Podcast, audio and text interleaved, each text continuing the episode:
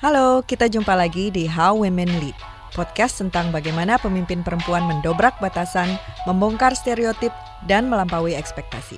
Podcast ini didukung Investing in Women, sebuah inisiatif dari pemerintah Australia. Saya Devi Asmarani. Dan saya Hera Diani. Di episode ini kita mengangkat dua tokoh inspiratif yang berhasil membesarkan perusahaan keluarga dengan kepemimpinan yang mengedepankan empati dan rasa ulas asih.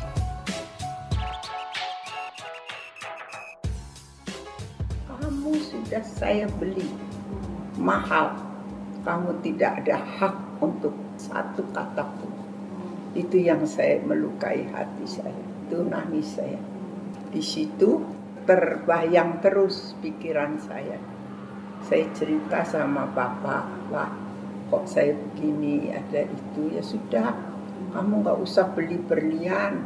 Berlian kan hanya untuk kamu aja, untuk pamer. Kalau kamu kasih sharing dengan mereka, kan berlianmu nanti gede banget. Ya udah, saya mulai, saya uh, sewa di Kute ya karena itu sekolah untuk spa kan dan Bali is a destination spa kan. Nah sekolahnya saya di situ 15 tahun saya. Itu tadi Marta Handana. Kita lebih mengenalnya dengan Marta Tilaar. Pendiri salah satu brand kosmetik raksasa di Indonesia yang digemari banyak beauty enthusiast. Barangkali termaksud kamu juga nih. Tapi mungkin tak banyak orang tahu kisah perjumpaan Marta dengan seorang tenaga kerja perempuan di Bandar Udara Hong Kong yang membekas begitu dalam. Bu Marta, Bu Marta, gitu. Saya kaget siapa sih itu teriak-teriak. Saya kenapa Bu? Aku pakai kosmetik ibu. Oh terima kasih saya bilang gitu. Terus tapi dalam hatiku. Perempuan itu sumringah saat memberitahu Marta kalau dia menggunakan produk kosmetik Marta Tilaar. Tapi yang membuat Marta terkejut bukan soal itu, melainkan penuturan si perempuan kalau dia adalah korban perdagangan manusia dan memiliki HIV.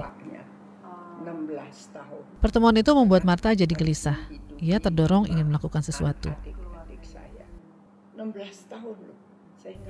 Marta lalu menyewa bangunan hotel kelas melati di Bali. Bangunan itu ia sulap menjadi sekolah kecantikan, Bali Sari Spa dan Training Center. Dengan sekolah ini, Marta berharap bisa mencegah perempuan lain jadi korban women trafficking. Sekolah tersebut menerima peserta didik dari berbagai wilayah Indonesia. Mereka tidak dipungut biaya selama mengikuti pelatihan. Sebaliknya, mereka mendapat uang saku. Lulus sebagai terapis, mereka langsung bisa bekerja di berbagai gerai atau outlet salon dan spa Marta Tilaar. Hingga kini, sekolah spa tercatat telah meluluskan sekitar 6.000 terapis. Dengan skill yang dimiliki, para perempuan ini diharap mampu mandiri dan bisa membantu perekonomian keluarga. Hmm, tapi sebelum sampai sini, awalnya... Bah, aku mempunyai uh, mimpi yang besar sekali mempercantik perempuan Indonesia dengan kebudayaan dan kekayaan alam Indonesia. Karena kulit kita dan mereka itu berbeda, climate berbeda, semua berbeda jadi kita harus mempunyai identitas sebagai kecantikan timur kan. Ya udah. Tapi kamu duitnya berapa? Nggak ada.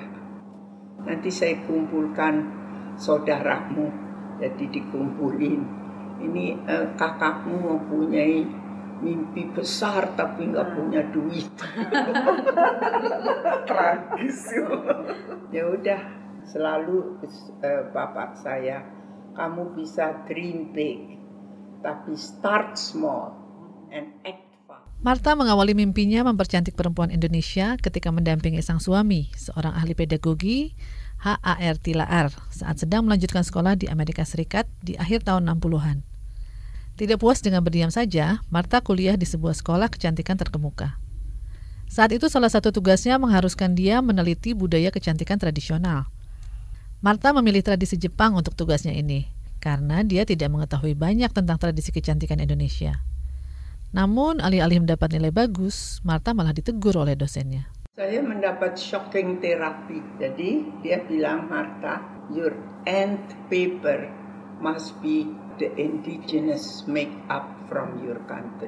Kaget saya. Aduh, saya nggak tahu apa-apa. Saya nangis. Aduh, bagaimana nih kalau saya nggak nggak lulus ya? Aku sudah nggak punya uang karena mahal. Beauty Academy bukan beauty school tapi academy. Mrs. Hancock. Saya masih ingat ya dia bilang, Martha, where are you from? Indonesia, ma'am. Why you wrote your paper the Japanese way? Aduh, saya bilang Tuhan, jujur, because I don't know about my culture. Shame on you, as Indonesian, you don't know about your culture. Baru saya sadar, ini dia Tuhan, kalau aku pulang nanti, saya akan melestarikan budayaku dalam bidang kecantikan. Sepulangnya ke Indonesia, Marta mulai bekerja untuk mewujudkan mimpinya. Bermodal uang patungan anggota keluarga, termasuk dirinya, Marta membuka salon kecantikan berukuran 4 kali 6 meter di garasi rumahnya tahun 71. Mulailah dia meracik sendiri produk-produk perawatan kecantikan kulit dengan menggunakan resep-resep tradisional Indonesia.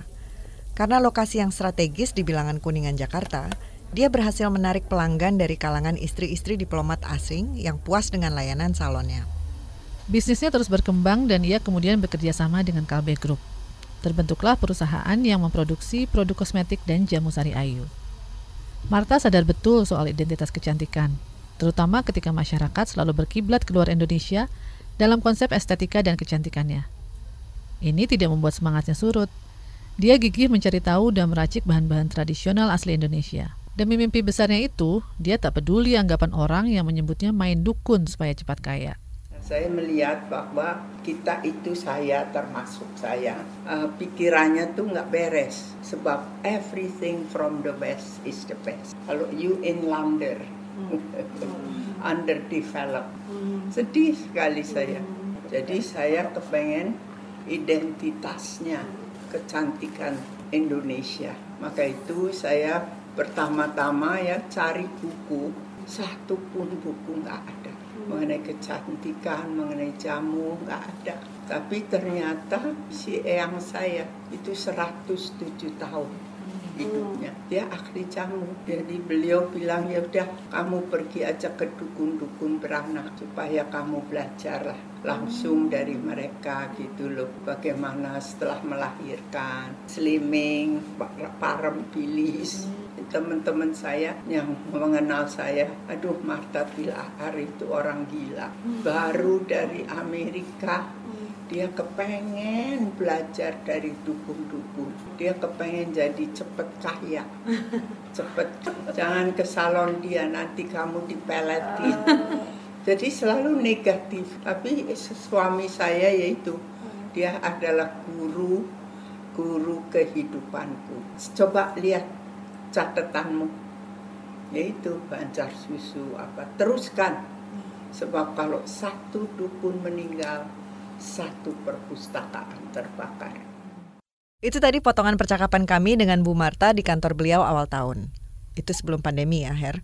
Saat itu kami berdua sangat terinspirasi. Karena meskipun usia beliau 83 tahun tapi semangatnya terlihat masih sangat tinggi. Iya ya Dev, karakternya tuh kuat banget, kelihatan dari jawaban-jawabannya yang tajam. Dan ceritanya tuh menginspirasi kami yang juga sedang membangun usaha.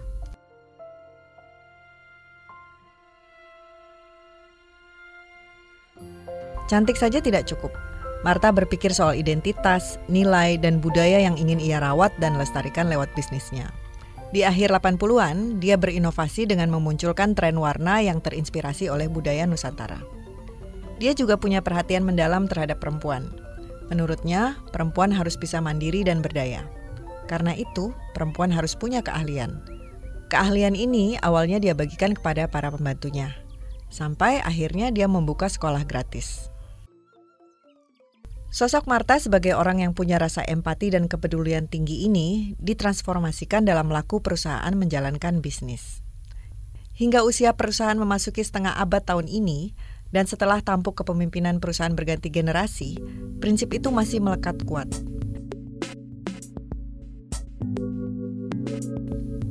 Tapi mungkin kita mundur dulu sedikit ke belakangnya. Masih ingat nggak saat krisis moneter menerpa Asia tahun 97 dan membuat rupiah anjlok? Sari Ayu ikut terdampak karena utang luar negeri perusahaan saat itu. Tapi perusahaan bertekad untuk tidak mem-PHK karyawan yang jumlahnya ribuan. Justru mereka meluncurkan produk-produk yang inovatif, seperti lipstick yang bisa menghasilkan empat warna dengan harga terjangkau. Alhasil, bukan hanya mendapat keuntungan 400% di saat kebanyakan industri manufaktur sedang tiarap, Marta Tilaar malah mengakuisisi sejumlah perusahaan.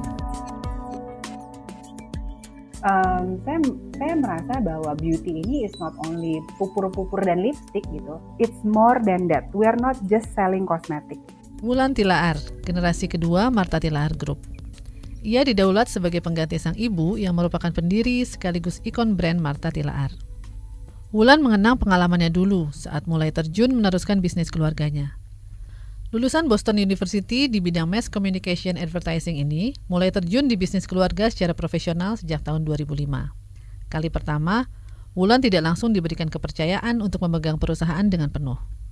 Dia masuk ke art department sebab masih berkaitan dengan bidang kuliahnya. Ah, beda banget ya set of kompetensi saya gitu kan.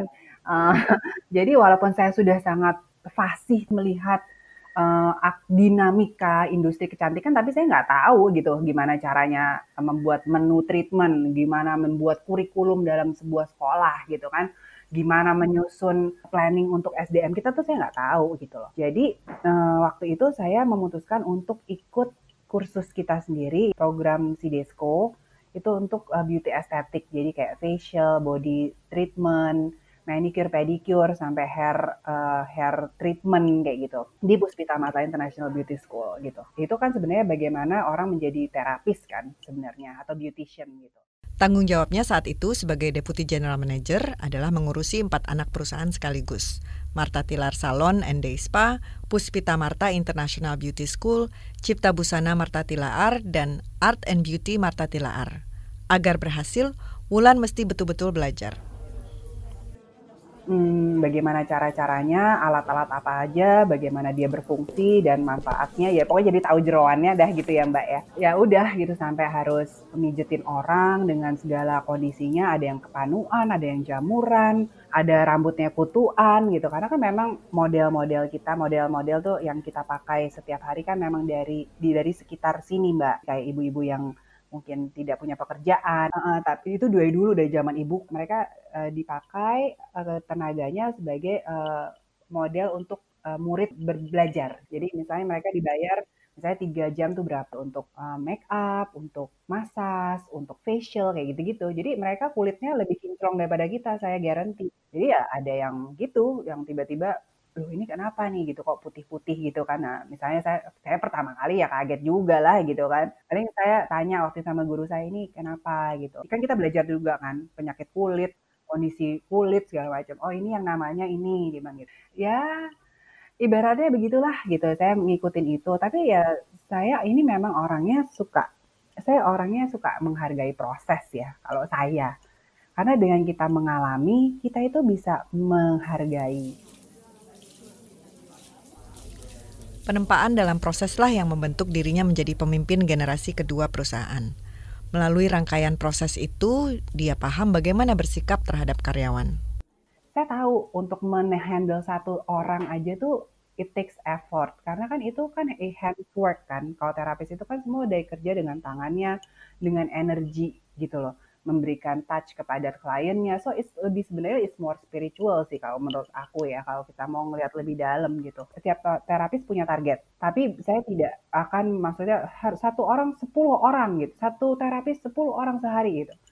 Enggak, karena saya tahu banget it takes time gitu dan itu aduh capek banget. Semua uh, customer preference ya. Ya puji Tuhan alhamdulillah memang saya jadi tahu gitu. Saya bisa menentukan alat-alat gitu loh. Jadi dengan kita belajar kita tahu gitu. Meski bekerja di perusahaan keluarga, jabatan Vice Chairwoman tidak jatuh dari langit.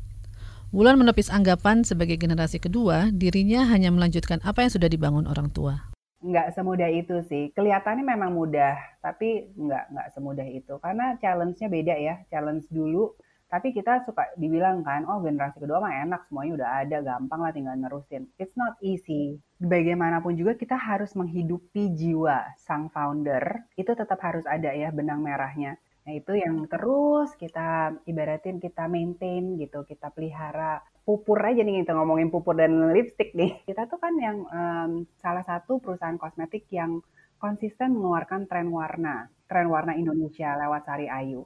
Yaitu tren warna itu buat apa sih ribet-ribet amat? Udah lihat aja lah tren warna Dior, tren warna Chanel atau apa gitu kan. Tujuannya apa sih? Ya, Oke, okay, memang sales gitu kan, jual pupur dan lipstick. Tapi yang kedua adalah menumbuhkan rasa identitas dan kebanggaan kita sebagai perempuan Indonesia. Selama 33 tahun, Sari Ayu tuh keliling Indonesia untuk meng mengangkat sebuah daerah atau sebuah kebudayaan atau apa pun. Itu jadi mulai dari Aceh Gemilang sampai uh, Papua. Terus tahun ini kita mengambil inspirasi Sumba gitu kan, konsisten terhadap keindonesiaan kita gitu. Ya kita yakin lah ini pasti tidak akan mubasir ke depannya.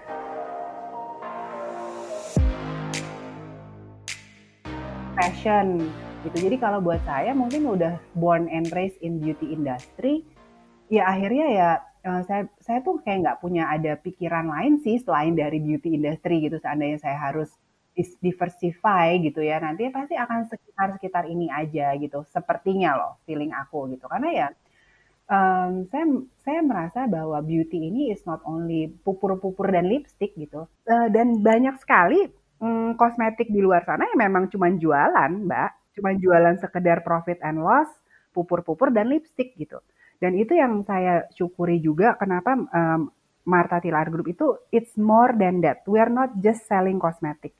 Tapi bagaimana kita beautify from inside juga dengan kita melakukan aktivitas kita tuh yang salah satunya empowering woman itu itu kebetulan juga di bawah divisi saya yaitu empowering woman melalui uh, pelatihan spa terapis. Lebih jauh soal pelatihan spa terapis sebagai upaya pemberdayaan perempuan, Wulan menjelaskan. Eh, kita rekrut uh, dua kali setahun, terus kemudian kita uh, bawa mereka ke training center kita yang ada di Cikarang, dan kita melakukan pelatihan 3 sampai 6 bulan, uh, pelatihan sebagai spa terapis, dan itu free of charge. Mereka boleh tinggal di situ, kita ada mesnya, terus jadi ada jadi termasuk tempat tinggal, makan, minum, terus juga ada uang saku per bulannya. Jadi walaupun mereka training, mereka bisa sudah mengirimkan lah untuk orang tuanya gitu loh karena kan e, biaya kehidupan sebenarnya kan utuh ya. Jadi mereka udah bisa mengirimkan uang ke orang tua mereka. Nah, setelah mereka dinyatakan kompeten sebagai spa terapis, mereka udah pasti mendapatkan garansi pekerjaan di e, seluruh mata tilar salon day spa di Indonesia maupun di luar negeri. Saat ini kita ada di Brunei, terus e, seharusnya kita buka nih lebaran kemarin di Sri Lanka. Tapi karena Covid seperti ini, akhirnya belum belum terjadi ya. Jadi itu yang uh, kita lakukan dan mereka itu uh, punya yang namanya kontrak kerja dengan kita tuh tiga tahun setelah lulus itu. Tiga tahun itu mereka bekerja dengan mata tilaar. Tapi setelah itu mereka free. Mereka boleh bekerja di mana aja. Jadi kita nggak yang, oh kita yang training terus kamu harus kerja sampai seumur hidup kamu di kita itu enggak. Jadi kita uh, tetap memberikan mereka kebebasan kalau mereka mau pulang kampung, mau buka salon atau buka spa atau apa pun, mereka boleh setelah tiga tahun. Upaya pemberdayaan perempuan lewat pelatihan terapis bukan hal baru. Kalau dulu menyasar anak-anak putus sekolah dan anak panti asuhan, kini peserta didik juga menggandeng anak-anak SMK dan menjangkau para perempuan di komunitas masyarakat sekitar hutan. Nah, kita memberdayakan target kita seribu uh, perempuan komunitas hutan. Di situ kita ajarin ibu-ibunya bagaimana mengolah tanaman uh, herbal yang otentik di daerah masing-masing gitu, yang udah berhasil di daerah Lampung ya, itu uh, jahe merah ya. Mereka sekarang sudah bisa punya produk sendiri jahe merah dan booming juga di saat pandemi ini gitu ya itu ibu-ibunya bagaimana mengolahnya gitu menjadi suatu komoditas. Saya juga pengen waktu itu saya minta saya pengen dong coba rekrut perempuan-perempuan muda di komunitas tepi hutan itu untuk jadi spa therapy. It's very challenging karena kan itu mungkin ya di hutan gitu kan jadi kita harus kasih lihat oh spa environment kayak gini terus kita harus kasih uh, pengertian gitu bahwa anak kamu akan masuk ke sini step stepnya begini nanti pekerjaan seperti itu gitu ya kita merekrut tuh di lima daerah ya dan kita berhasil uh, merekrut 11 anak gitu 11 anak itu dari Jambi Pekanbaru ada Mojokerto satu kalau nggak salah gitu ya di usia perusahaan yang sudah setengah abad tahun ini Wulan mengatakan perusahaan tetap setia pada mimpi besar ibunya sebagai pendiri, berkarya mempercantik Indonesia. Cantik sambil melestarikan budaya dan kearifan lokal sekaligus memberdayakan perempuan. Dan seperti berulang dia tegaskan, bisnis ini bukan sekedar untung rugi. It's not all only about the money. It's not only about the profit and loss gitu. Jadi itu satu mungkin dari segi empowering woman ya. Jadi banyak banget yang masih kita bisa lakukan. Terus kemudian tadi identitas kita sebagai perempuan Indonesia. Kita sudah mengembangkan ekstrak ingredients yang memang khas Indonesia. Jadi mimpinya tuh pengen gini loh, misalnya kalau Korea Selatan, ginseng itu udah pasti Korea Selatan gitu kan. Indonesia yang begitu kayaknya the second largest biodiversity in the world sesudah berhasil, coba sebut satu ingredients dari Indonesia apa? Apakah kunyit gitu? Ataukah apa gitu pegagan gitu kan. Jadi uh, kita udah me mengembangkan sekarang ada 12 ekstrak khas Indonesia. Jadi pegagan, kunyit, uh, manggis, uh, langsat, terus uh, cabai rawit, delima. Ini dan ini kita akan jual uh, secara global itu panjang loh Mbak. Misalnya pegagan, itu kan berarti kita melakukan pelatihan terhadap petani pegagan. Kumis kucing misalnya di daerah Jawa Barat, udah pelatihannya kita bikin supaya apa? Kita kasih pelatihan supaya nanti hasil panennya itu bisa digunakan, nggak mau basir. Harus sesuai dengan standar pabrik kan, nggak bisa. Jadi source-nya harus bisa traceable dan bisa sustainable. Kalau bisa satu pegagan aja kan petani juga sejahtera gitu, bukan kita aja yang sejahtera. Jadi petani pegagan pun sejahtera. Hal-hal ini yang menurut Wulan membuatnya bahagia dan merawat semangatnya untuk terus menerapkan nilai-nilai bisnis yang memang sudah ditanamkan sejak lama oleh sang ibu. Uh, ada satu anak gitu dan dia bilang oh, saya bersyukur karena benar-benar begitu saya nyampe saya tuh langsung dihandle masuk ke dalam training center yang memang corporate besar dan emang benar-benar benar-benar saya tuh dilatih gitu loh benar-benar kan banyak ya yang direkrut-rekrut tiba-tiba nanti dijual lah ke mana atau ditelantarin atau gimana gitu kalau ini benar-benar saya masuk training center, saya belajar, waktunya tepat, segala macem gitu. Ya saya bersyukur sih Bu, dia bilang saya bisa bisa bergabung di sini, saya sempat kerja, dia bilang saya pernah dapat tips 50 ribu, saya seneng banget, dia bilang gitu. Saya kumpulin untuk uh, ibu saya dan nenek saya gitu loh. Itu loh Mbak, maksudnya yang nah, kebahagiaan kita tuh bukan hanya sekedar pupur dan lipstick gitu. Orang-orang seperti ini yang kita kita sentuh ya yang kita kita berdayakan atau kita bantulah gitu sama-sama bantulah dengan memberi kita menerima. Semua kerja-kerja Wulan didasari oleh nilai-nilai yang memang sudah ditanamkan orang tua sejak kecil dan dia hafal betul itu.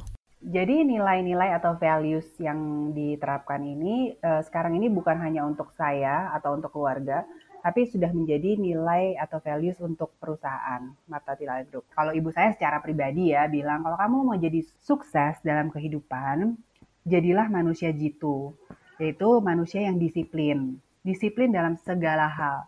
Disiplin dalam waktu, disiplin keuangan, disiplin tentang komitmen gitu ya. Yang kedua adalah J, jujur. Ini adalah integritas kamu. Kemudian I itu adalah iman dan inovatif. Uh, hubungan dengan uh, yang mencipta itu harus punya keintiman yang khusus karena itu adalah sumber kekuatan dan sumber kehidupanmu gitu.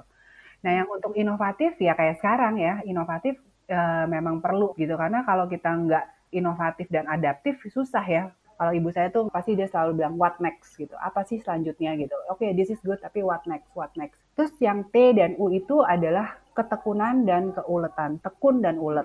Uh, udah berhasil sampai segitu terus bagaimana you sustain itu yang menjadi uh, sebenarnya kunci? Lo berhasil apa enggak? Mempertahankan bisa mengayomi orang bagaimana perusahaan kita tuh bisa berdampak buat orang lain berbagi kebaikan kayak gitu loh. Kalau nggak emang nggak tekun dan ulet ya akan hilang gitu loh. Inspiratif, kolaboratif, dan empati ya. Tiga hal itu yang saya ingat kalau kita mau ngomongin bulan ya. Uh, buat saya dia uh, bukan tipe yang minta atau memerintah ya, tapi mengajak. Dan yang unik adalah bagaimana beliau selalu mengingatkan untuk menempatkan dari sisi orang lain. Jadi tidak hanya versi kita nih, ide ini uh, menurut kita saja dan bagaimana kita akan menjalankannya, tapi uh, beliau sering berpikir bagaimana itu ini bisa dijalankan dari uh, dan memberi manfaat buat customer memberi manfaat buat klien ataupun Palupi Chandra Rini, Wulan menjulukinya sebagai partner in crime. rekan kerja sekaligus sahabat. Sementara Pak Lupi melihat Wulan sebagai dirijen yang baik dan tahu betul potensi setiap orang dalam tim. Belasan tahun mengenal Wulan, dia melihat Wulan sebagai sosok yang hangat dan seimbang menjalani hidup.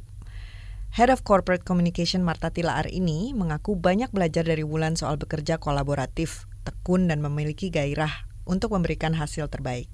Very detail, passionate dan detail ya dia uh, untuk untuk betul-betul create something new dari sebuah treatment spa. Karena treatment-treatment spa di Marta Tiller itu kan bukan hanya sekedar body massage saja, tapi bagaimana bisa menggali kearifan budaya daerah setempat dengan keunikan teknik masasnya dan juga keunikan tanaman pendukungnya supaya itu bisa menjadi suatu sajian treatment spa yang komprehensif. Ada unsur filosofinya, ada unsur kearifannya yang itu harus disampaikan menjadi suatu histori atau storytelling dalam kita menyajikan treatment spa itu. Di situ saya belajar banyak dari Mbak Wulan. Uh, beliau bisa menyatukan energi banyak uh, pihak, mengolahnya uh, dengan sangat baik ya, menjadi sebuah kolaborasi yang cantik menurut saya. Soal sosok Wulan yang bersahabat juga disampaikan Reza Aditya. Reza adalah direktur Rumah Marta Tilaar. Ini adalah rumah masa kecil Marta yang terletak di Gombong, Jawa Tengah, yang kemudian disulap menjadi museum dan wadah berbagai kegiatan sosial untuk mengangkat budaya lokal. Mbak Wulan tuh menganggap kita, meskipun sebenarnya saya posisinya sebagai bawahan ya sebenarnya, dia merangkul kita kayak temen gitu. Jadi jadi ngobrolnya bebas gitu tentang apa dan segala macam. Kayak nggak ada perasaan antara relasinya antara bos sama pegawai. Yang kedua, ini sebenarnya saya agak sedikit kaget sih karena pengalaman saya atasan itu setiap kali kita menyampaikan laporan atau itu kan biasanya selalu melihat gambaran yang besar ya, detail-detail biar diurusin nama bawahan-bawahan. Tapi dia tuh justru sangat detail gitu. Karena yang paling terasa banget uh, apa ya, saya bisa bilang ini dengan bahasa yang tepatnya ya, tapi beliau sangat melibatkan emosi dalam setiap pekerjaannya. Bukan dalam tanda negatif ya, emosi maksudnya marah-marah ya, tapi benar-benar into it banget yang saya nggak habis pikir nih apa nggak habis ya energinya ya karena begitu emosional gitu dalam setiap pekerjaan. Wah, saat itu jadi nanya, kok Reza nggak seperti kebanyakan orang yang mikir kalau perempuan cenderung nggak bagus jadi pemimpin, soalnya emosional. Begini jawabannya. Saya kira itu masih prasangka ya. Justru menurut saya kita kekurangan kekurangan sisi itu sih. Melihat sejarah yang besar gitu ya, yang dipimpin oleh lelaki, kita udah sering lihat kegagalan kan. Yang justru kita kekurangan contoh kan adalah uh, perempuan gitu. Saya pikir kekurangan kita hari ini itu ya sosok-sosok perempuan yang dibiarkan oleh lingkungannya untuk memimpin gitu. Apakah benar gitu perempuan yang misalnya memimpin melibatkan emosi terus pasti gagal atau bisa diartikan dia nggak bisa memimpin? Uh, kalau menurut saya kita belum nemu presiden yang cukup untuk bisa berbicara uh, atau meyakini hal itu. Menko Perekonomian Erlangga Hartarto mengungkapkan kebanyakan sektor industri memberikan pengaruh yang signifikan yang terhadap perekonomian nasional. Hampir seluruh sektor industri merasakan dampak dari pandemi ini. Dari pandemi COVID-19 sejak diberlakukan PSBB sebagai bagian strategi penanganan COVID-19, dua sektor industri tersebut mengalami defisit semua bisnis, semua walk of life itu semua mengalami yang uh, yang diberikan oleh pandemi ini. Saya nggak mau menyebutkan masa-masa ini masa sulit, masa terpuruk, atau masa hukuman, atau apa pun. Saya selalu menyebutnya adalah masa yang penuh tantangan karena kenapa tantangan memang benar sih, kita setiap hari itu ditantang untuk berpikir uh, bagaimana menyusun strategi dan menyikapi apa yang kita hadapi di depan mata kita pada saat ini. Dan itu terus berubah gitu loh. Sari Ayu kan selamat, bahkan berhasil mencetak keuntungan di masa krisis moneter akhir tahun 90-an. Tapi bagaimana di masa pandemi COVID-19? Hampir semua industri terdampak oleh pandemi ini, tak terkecuali industri kecantikan dan kosmetik. Wulan dengan cepat mengubah strategi agar bisnis selamat. Alhasil, di saat banyak perusahaan mengalami penurunan bisnis, Marta Tilar mengalami rebirth atau kelahiran kembali. Itu kan uh, kita harus tutup sejak tiga bulan yang lalu ya. Uh, uh, jadi itu full full apa stop gitu loh, nggak ada pekerjaan dan segala macam gitu. Dan bagaimana kita dituntut dong, bagaimana ini nasib 300 terapis kita dan uh, kita juga buka franchise kan di seluruh Indonesia gitu. Waktu itu first aid kitnya kita tuh kita menjual herbal drinks kita melalui WhatsApp, melalui Instagram, melalui teman-teman kita gitu, komunitas kita gitu dan itu ternyata bisa me membantu kita ya dari zero income menjadi se saat ya sebuah number of income yang at least kita masih bisa ada income masuk gitu ya. Itu satu. Terus kemudian kita akhirnya sekarang memproduksi alat-alat kesehatan. Alat-alat kesehatan tuh yang sudah ada yang pasti hand gel, terus hand sanitizer. Dengan adanya shifting ini, jadi kita akan uh, memproduksi hal-hal yang lain. It's opening new opportunity sebenarnya untuk kita gitu. Tapi memang pada waktu shifting itu perlu uh, kepekaan ya, awareness sama. Kunci untuk bisa selamat menurut Wulan adalah agile, adaptif, dan berani termasuk melakukan perubahan sistem kerja di internal perusahaan. Adanya shifting dari uh, produksi kosmetik menjadi hand sanitizer. Nah, kita tuh dapat orderan juga lumayan banyak untuk hand sanitizer. Jadi ya terapis-terapis kita yang memang tidak ada pekerjaan karena ditutup atau siapa pun lah ya kayak di, di sekolah guru-guru semua juga nggak ada sekolah tutup kan. Jadi kan mereka nggak ada pekerjaan yang uh, rutin kan berarti. Nah, mereka itu membantu di daerah di manufacturing line. Jadi mereka membantu di pabrik. Mereka mau juga loh. Mereka nggak nggak kok gue harus begini ya gitu kan gue guru misalnya gitu. Oh kan gue terapis kok begini gitu. Enggak sih, mereka ya itulah. Tadi makanya saya bilang terima kasih banget kalian tuh mau uh, sampai seandainya kontrak itu uh, memang kalau pegawai kontrak itu misalnya sudah selesai masa kontraknya ya kita minta bantuan mereka untuk uh, melakukan yang sama tetapi dengan upah yang berbeda gitu bukan upah jadi upah harian lah daily jadi kayak daily worker gitu loh mbak. Sehingga mereka tetap punya pekerjaan punya income walaupun bukan uh, income yang seperti biasanya gitu. Jadi tetap ada pemasukan untuk mereka. Jadi kita kasih option-option itu sih untuk karyawan-karyawan kita gitu selama pandemi ini. Pemimpin perusahaan dengan hampir 70% karyawannya perempuan itu juga terbuka mengkomunikasikan situasi perusahaan kepada seluruh karyawan. Itu saya juga bilang sama tim saya, saya bilang e, saya sangat berterima kasih dan bersyukur gitu karena saya terus terang udah potong gaji itu dari bulan April mbak.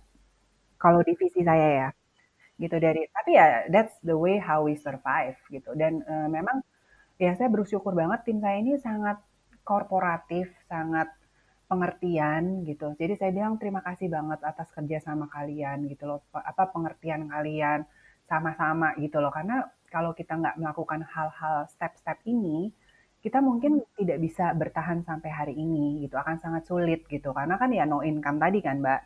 Oh sekarang kan oh, udah boleh lah salon kita udah boleh buka at least ada potong rambut gitu loh.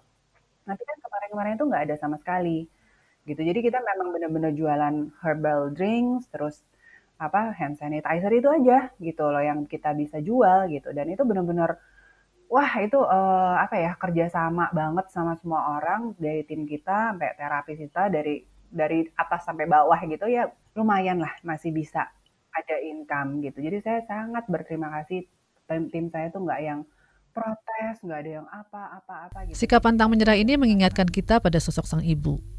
Um, kalau saya lihat uh, kalau kita berusaha uh, dan kita menyikapinya dengan positif gitu ya, Tuhan tuh pasti akan buka jalan. Apa pun itu, seberapapun susahnya itu. Mungkin dari hal-hal kecil. Buat saya secara pribadi pun, saya mengalami hal yang luar biasa ya. Saya itu harus menjual herbal drinks di WhatsApp grup saya, di teman-teman saya, di komunitas saya. Jujur banget, saya ada rasa malu awalnya malu gitu ya. Masa gue jualan online sih gitu kayaknya kok gue nawarin barang beginian gitu ya. Uh, itu ada loh mbak. Mungkin secara manusia ya punya ego punya tapi saya berpikir lagi ya kenapa saya harus malu gitu? Ini saya uh, saya berusaha supaya kita tetap mendapatkan income masuk gitu karena banyak banget orang-orang yang bernaung di bawah kita dan keluarganya gitu ya. Terus kenapa saya harus malu? Saya nggak nggak mencuri saya nggak memaksa mereka untuk beli dan yang saya jual juga bagus gitu loh bukan barang ibaratnya bukan barang yang beracun atau merugikan orang lain kan it's not that easy for me too gitu ya karena mungkin kebiasaan ya saya nggak pernah begitu gitu kan tapi ya udah akhirnya ya kita harus sebagai leader menurut saya juga harus set up examples gitu. Jadi ya udah kalau saya jualan ya kalian juga harus semangat jualan gitu dan kita saling menyemangati gitu. Udah berapa jualan hari ini gitu. Oh ya misalnya ini dapat dari teman ibu gini-gini ya makasih ya bu misalnya kayak gitu kan jadi seneng ya maksudnya mereka pun kita juga bukan hanya tinggal nyuruh-nyuruh ayo jualan jualan jualan gitu tapi kita melakukan hal yang sama yang mereka jual dan kita bagi Oke, sampai sini dulu. Terima kasih sudah mendengarkan How Women Lead. Podcast ini didukung Investing in Women, sebuah inisiatif dari pemerintah Australia. Saya Devi Asmarani. Dan saya Heradiani. Mau kasih bocoran kalau di episode mendatang akan hadir cerita tentang sosok perempuan yang bisa dikatakan spesialisasinya adalah handling krisis di tempat dia bekerja. Tungguin ya ceritanya. Bye!